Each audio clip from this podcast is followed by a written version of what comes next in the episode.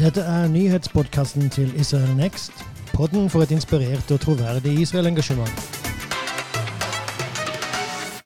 Og med den brå slutten kommer også en brå begynnelse på en, eh, et nytt format av eh, vår podkast, der vi tar opp uh, hovedsakelig nyheter. I studio sitter Roar Sørensen, som med frykt og beven skal forsøke å alene ta dere gjennom denne podkasten her.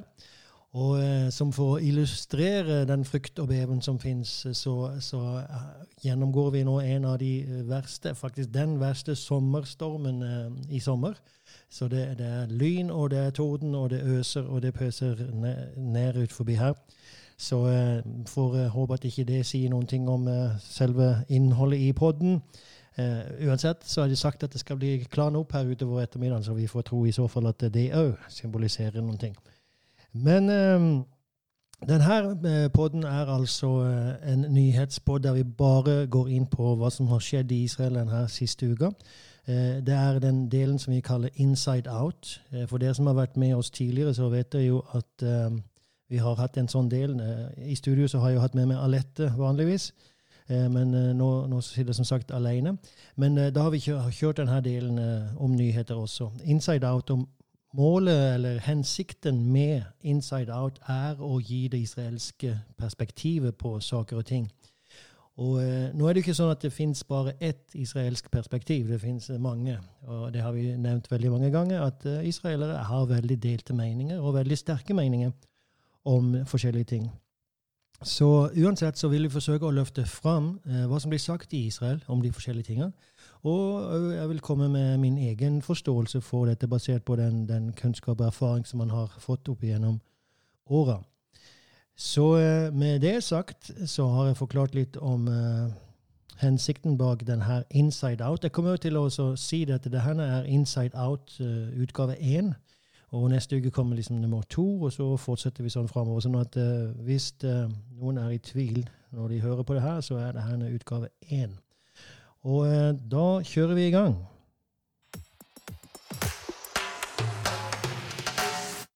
Og den lille trudelytten eller trommedrillen der, det er den som sier fra at eh, OK, nå kommer det et nytt tema.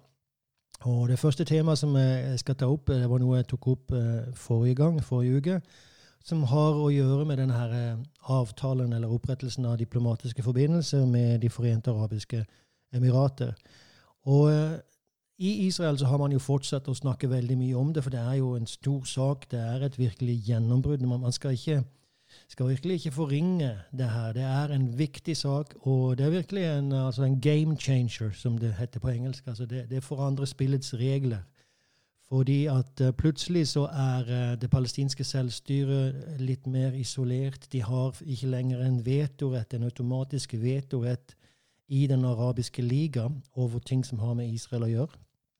Og eh, det virker jo som at det her virkelig kommer til å få eh, konsekvenser for flere andre nasjoner til å opprette diplomatiske forbindelser med Israel. Så de som ligger nå i, i tur, står for tur, i alle fall som det snakkes om, det er jo Bahrain, eh, det er Oman, det er Marokko, som har faktisk lenge hatt gode relasjoner med Israel. Det kommer jo veldig masse jøder fra Marokko til Israel, så det, relasjonene fins der. De har, fått, de har, reist tilbake mange ganger. Relasjonen har vært åpne, så man har kunnet reise fram og tilbake mellom disse to landene. Sudan eh, er det snakk om. Og eh, faktisk så er det òg snakk om Saudi-Arabia og til og med Libanon. Altså Hvis et, et, av de senere to landene skulle inngå en fredsavtale eller, eller uh, opprette diplomatiske forbindelser med Israel, så er det virkelig snakk om store gjennombrudd. Uh, men uh, Saudi-Arabia og Libanon det ligger nok litt lenger fram de her andre nasjonene kan nok uh, tenkes at det oppretter forbindelse ganske snart. Så det, det, er jo den ene saken. Og israelerne er jo veldig begeistra for det som hender, og liksom tenker seg oi, kan vi nå få lov til å reise til disse landene? Og det, det skulle jo vært fantastisk. Altså, Denne regionen behøver fred. Denne regionen behøver virkelig at jøder og arabere eh, kan leve fredfullt sammen. Det skulle vært en sånn velsignelse for hele regionen om araberlandene bare hadde akseptert den jødiske staten og begynt å samarbeide med den istedenfor å motarbeide den.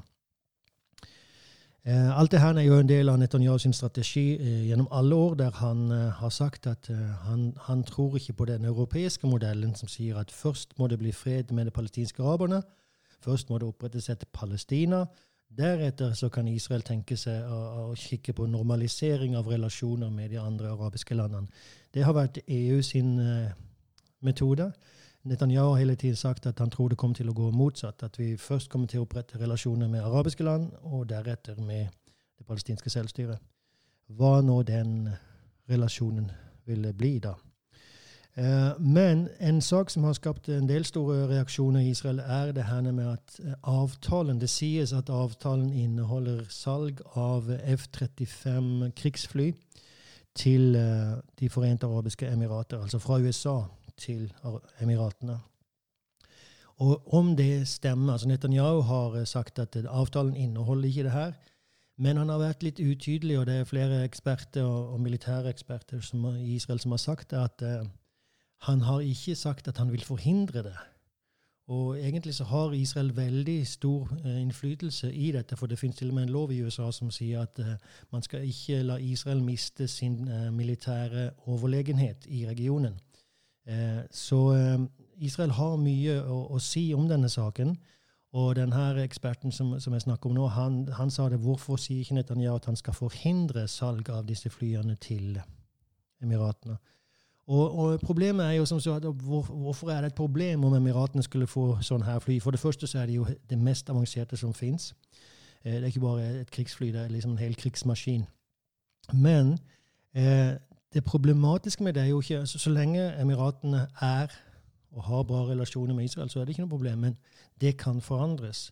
Og det er jo det som har skjedd opp igjennom, eh, og, og som òg er et problem i forhold til denne avtalen, at uh, en del land som tidligere hadde bra relasjoner med Israel, i dag ikke har det. Ting skjer i disse landene. Det skjer uh, militærkupp, det skjer revolusjoner, omveltninger. Eh, Iran hadde veldig bra relasjoner med Israel under sjahen fram til 1978, da Ayatollah Khomeini kom inn. Det var kjempebra relasjoner mellom de to landene. Eh, det, det, samme, det var ganske bra relasjoner med Tunisia. Eh, Israel har hatt veldig bra relasjoner siden de underskrev fredsavtalen med Egypt. Altså På det diplomatiske nivået har de hatt bra relasjoner med Egypt. Ikke på, på liksom det dagligdagse nivå. Det er ikke sånn at israelere reiser til Egypt i store, stort antall. Men man har hatt et fungerende relasjon med, med Egypt. Her eh, under den arabiske våren så tok det muslimske brødreskapet over makten i Egypt. Og hadde de fått lov til å fortsette, så, så vet vi ikke hva som kunne ha skjedd. Eh, Tyrkia hadde veldig bra relasjoner med Israel fram til Erdogan bestemte seg for at eh, han ville forandre på det, og i dag er det en av Israels verste kritikere og fiender. Så ting forandrer seg, og, og, derfor så er man veldig redd for et salg av F-35 til Emiratene.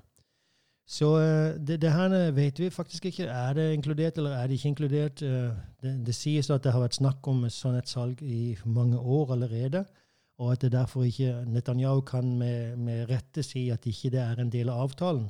Men kommer det til å skje, er det store spørsmålet.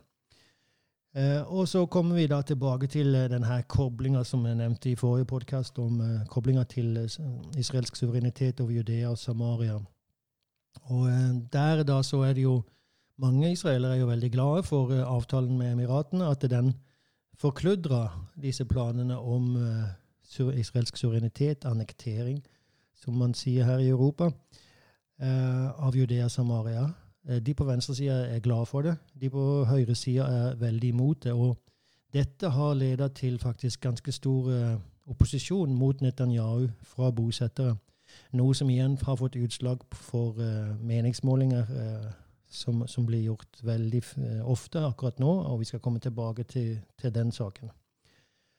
Um, så det er vel den saken. Og, og, til slutt så vil jeg bare nevne, når det gjelder akkurat det her jeg vil bare nevne denne tanken om at uh, hvorfor kan ikke Israel si at de vil ha begge deler? Hvorfor kan ikke Israel si ja til fred med Emiratene og ja til suverenitet? Uh, hvorfor skulle det være umulig? Altså, I dag når man tenker seg, så, så, så, så framstilles det hele tida som at Israel må velge enten-eller. Men for det første, Israel gikk ikke til krig mot de arabiske emirater. Israel gikk ikke til krig mot arabiske land i det hele tatt. Det var de som gikk til krig mot Israel. Så fred eh, burde være oppnåelig. Alt ligger i arabiske hender. Det, det, det, naturlige, den naturlige posisjonen vil jo være å inngå fred og avslutte sin krigsfiendtlige eh, holdning mot Israel. Israel har ikke gjort noen ting som fortjener denne situasjonen. Eh, så, fred burde være det normale.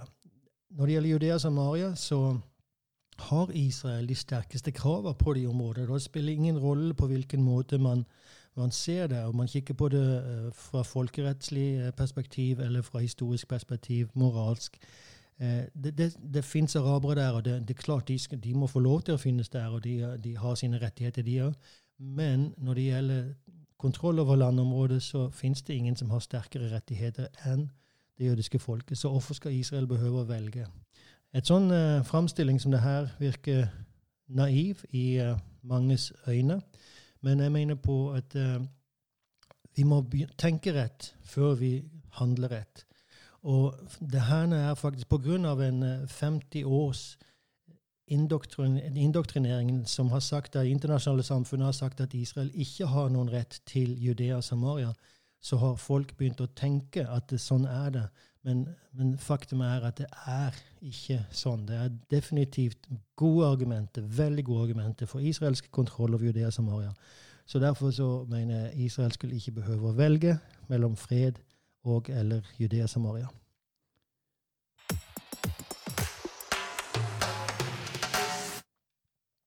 Det betyr at vi går til neste sak.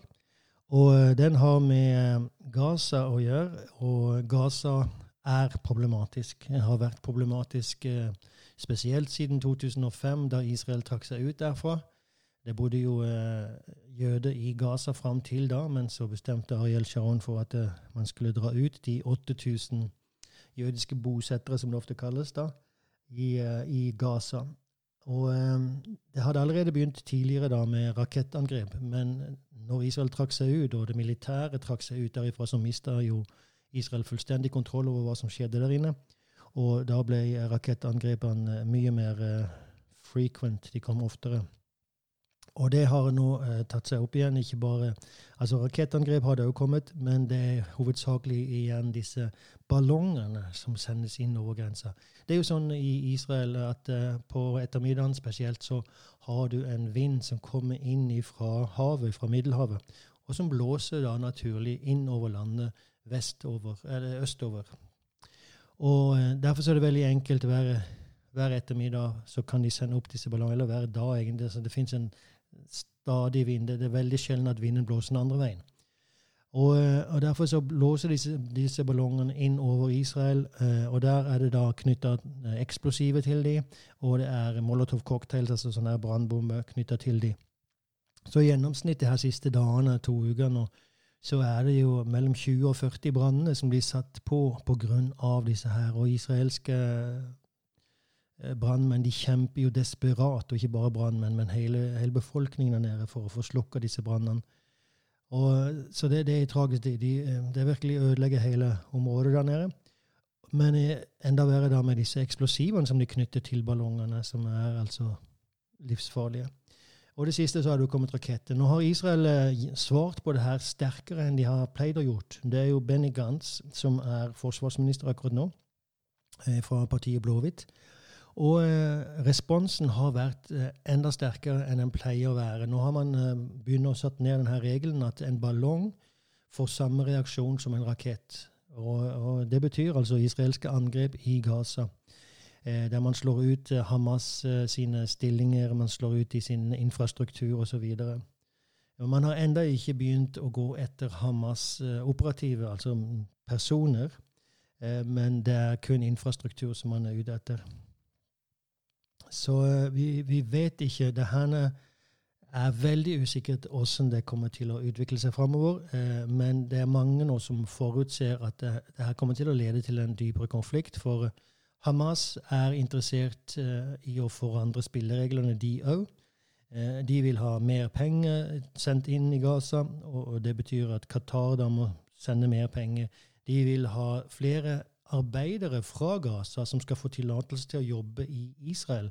For det er så klart det hjelper de sin økonomi, men det er jo ganske merkelig hvilke krav de har. At ok, vi vil at våre arbeidere skal komme til dere og få, få tjene penger. Eh, det er liksom ikke sånn eh, normal fiendeholdning to stater oppfører seg mot hverandre. Nå er jo ikke Hamas en stat, Gaza er ikke en stat, men uansett.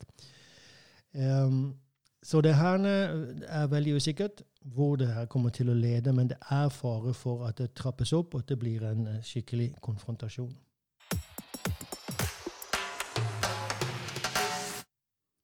Det tar oss til neste sak, som er koronakrisa i Israel. Og, og, dessverre så er det en stor krise igjen. Eh, nå har tallet gått ned de siste dagene, men eh, det er hver dag så er det mer enn 1000, 1200, 1400 nye tilfeller av smitta i Israel. Og uh, Israel er derfor uh, ikke bare en rød nasjon når det gjelder koronasmitte, de er ildrøde, faktisk. Uh, det som er spesielt, er at det er derimot ikke så mange som dør av det. Så nå kommer vel tallet rett opp rundt 800 døde i totalt, da, siden det her begynte i mars. Eh, så det, det, dødstallet er ikke veldig høyt, men uh, uansett så har de store problemer. Og det hender akkurat uh, nå, i dag som det er første Elul, altså ifølge den jødiske kalenderen, så er det første Elul, og Elul er måneden som leder inn imot de store høytidene. høytidene sånn som Rosh Hashanah, altså jødisk nyttår, og Yom Kippur, den store forsoningsdagen, Sukkot, løvetefesten. Så denne måneden som nå er da, som en forberedelse til disse store høytidene, kalles eh, altså det er en måned av eh, omvendelse. Og en sak som heter slichot, altså der man ber om tilgivelse, eh, det foregår nå i synagogen på nettene. Det skal foregå. Men pga. begrensninger og sånt, så er det veldig usikkert hvordan alt det her kommer til å bli. Så de religiøse er veldig altså forsøker å få svar på det her og forsøker å få letta på restriksjonen, så at man iallfall kan be, osv. Så det, det, er ett aspekt av det hele. Så, så, klart så har du hele det, altså det økonomiske aspektet, der restauranter Det er veldig begrensa hvor mange som får sitte på restauranter osv. Samlinger i det hele tatt. Eh, du har kollektivtrafikk osv. som det er store begrensninger på. Alle må jo gå med maske osv. Så, videre. så det er, eh, det er en eh, tøff situasjon, og eh, man forsøker å komme ut av det her uten å, å legge en ny lockdown altså av samfunnet, uten å stenge ned hele samfunnet en gang til. Men det snakkes faktisk om at det kanskje må gjøres. Så koronakrisen i Israel er ikke over, og uh, man, man, kjemper virkelig for å komme unna det her på best mulig måte.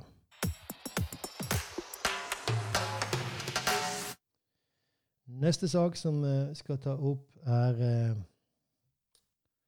Government Coalition Crisis. Eh, det er altså en krise på gang i koalisjonen.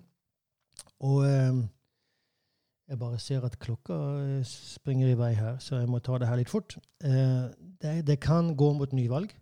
Det har jo alltid vært problemer mellom blåhvitt og Likud. Og det ser ikke ut som at det her klarer å løses. De, de klarer ikke å regjere effektivt. Så nå ser det ut som at Israel er på vei mot mot nyvalg igjen. Eh, det, det, det, virker, altså, Om man kikker på det, så er det veldig usannsynlig at uh, politikere skulle kaste landet inn i et nytt valg når denne koronasituasjonen er som den er, uh, og de økonomiske konsekvensene av situasjonen er som den er.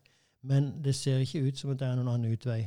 Det som kan skje, det er at det opprettes en høyreregjering i stedet enn en, ja, en ren høyreregjering at uh, Naftali Bennett blir med i en regjering osv. Det fins et uh, flertall av høyremandater på parlamentet, på Knesset. Men det er bare det at eh, de har problemer, en del av disse har problemer med å samarbeide med Netanyahu. Og Derfor så har det ikke blitt noen sånn regjering. Spørsmålet er om det vil bli det nå, eller om det blir nyvalg. De neste dagene kommer til å også avgjøre dette, fordi at om ikke Israel vedtar et budsjett eller vedtar frist, ny frist for å, for å vedta budsjettet. Altså De snakker om å utsette det 100 dager. Hvis ikke det skjer i løpet av et par dager nå, eh, to-tre dager, så blir det automatisk nyvalg. Så det her eh, kommer til å avgjøres ganske fort.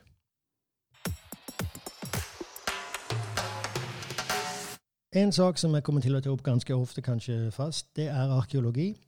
Og eh, jeg vil bare ta noen få saker. Det går eh, ganske fort saker som har med arkeologi å gjøre.